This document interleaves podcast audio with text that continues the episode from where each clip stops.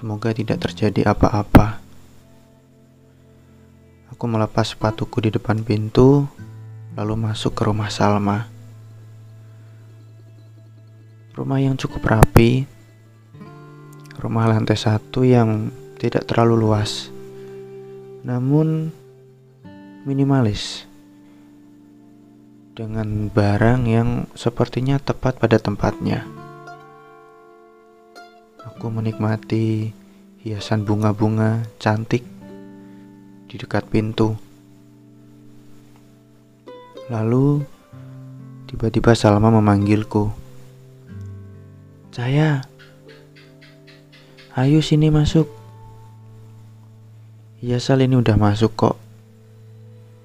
Lalu aku duduk di ruang tamu sambil melihat-lihat foto Salma dan keluarganya yang terpampang di dinding. Saya, sini buruan masuk. Sini ke ruang tengah, jangan di situ. Salma, Salma. Aku masuk sini aja sebenarnya udah males. Mengingat sore tadi kamu ah, Aku merasa ada something dengan kamu Salma. Semoga saja salah. Ditambah sekarang kita hanya berdua di rumah kamu. Aku mendatangi Salma. Sal, di depan aja yuk. Jangan di sini, gak enak tahu. Ih, nggak apa-apa. Di sini kita bisa nonton TV. Lalu Salma menarik tanganku untuk duduk di sebelahnya. Saya tunggu sini bentar ya. Aku mau ganti baju dulu.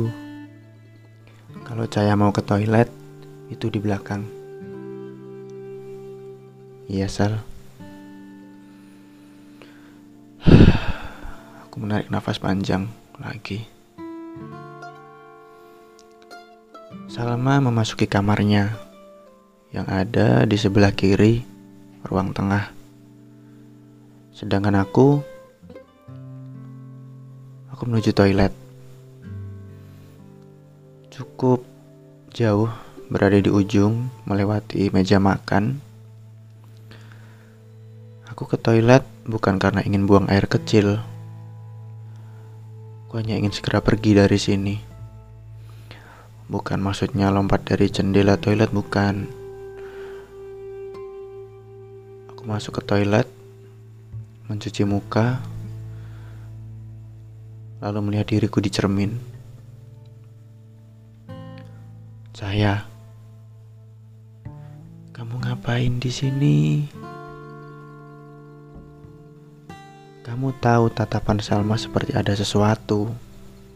Saya, jangan sampai senyum Salma membuat kamu berlama-lama di sini. Ya. Kamu tahu ada yang aneh dengan Salma. Saya, kamu bisa.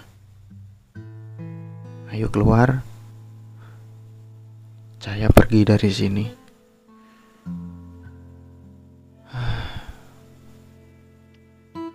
Aku meyakinkan diriku lagi. Lalu aku keluar dari toilet.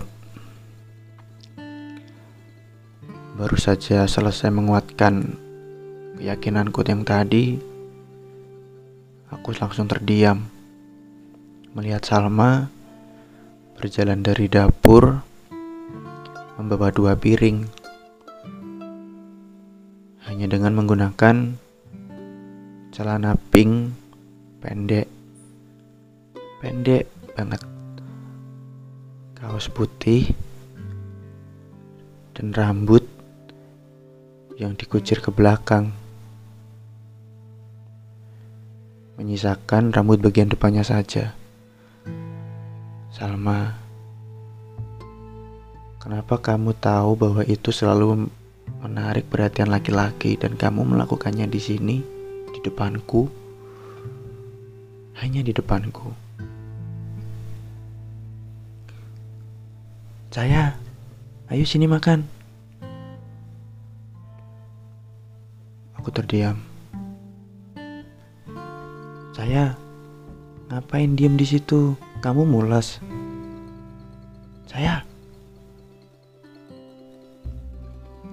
Eh, iya eh maksudnya enggak.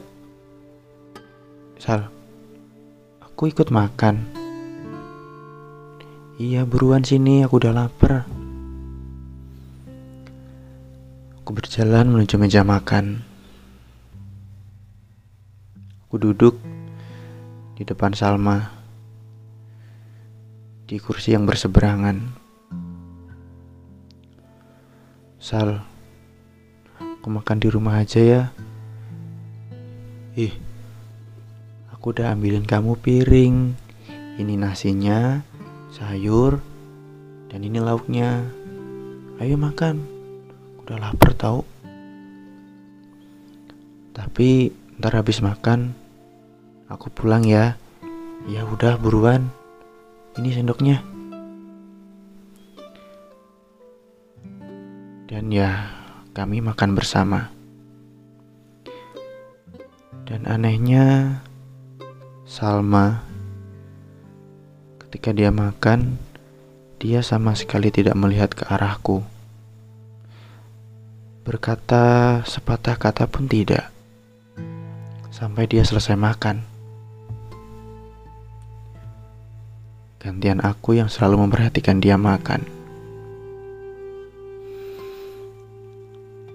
Lalu Salma mengatakan sesuatu setelah dia selesai minum. Saya sudah makannya. Iya sudah Sal. Jadi aku sekarang boleh bu Sini piringnya. Biar aku bawa ke dapur. Sekarang saya tunggu di ruang tengah ya.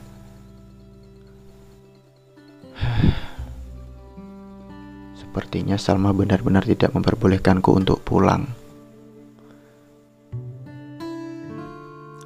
Aku kembali ke ruang tengah dan menyalakan TV. Aku kesal.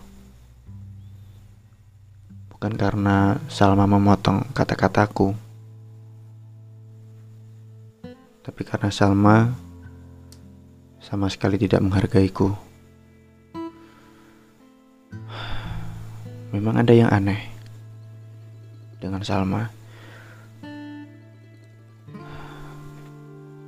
Tidak lama, Salma duduk di sebelahku, sebelah kiriku, ikut menonton TV. Sepertinya dia tahu bahwa sekarang aku sedang kesal.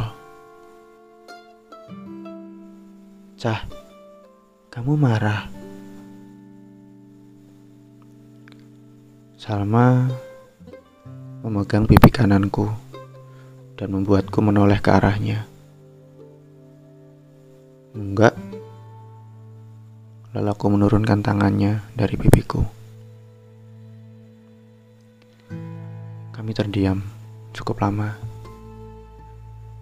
Lalu tiba-tiba Salma menyandarkan kepalanya di bahuku. Sal, Bentar aja, Cah. Bentar aja. Tiba-tiba suara Salma menjadi pelan dan sendu. Apalagi ini? Aku tidak bisa menghindar. Aku hanya diam menonton televisi.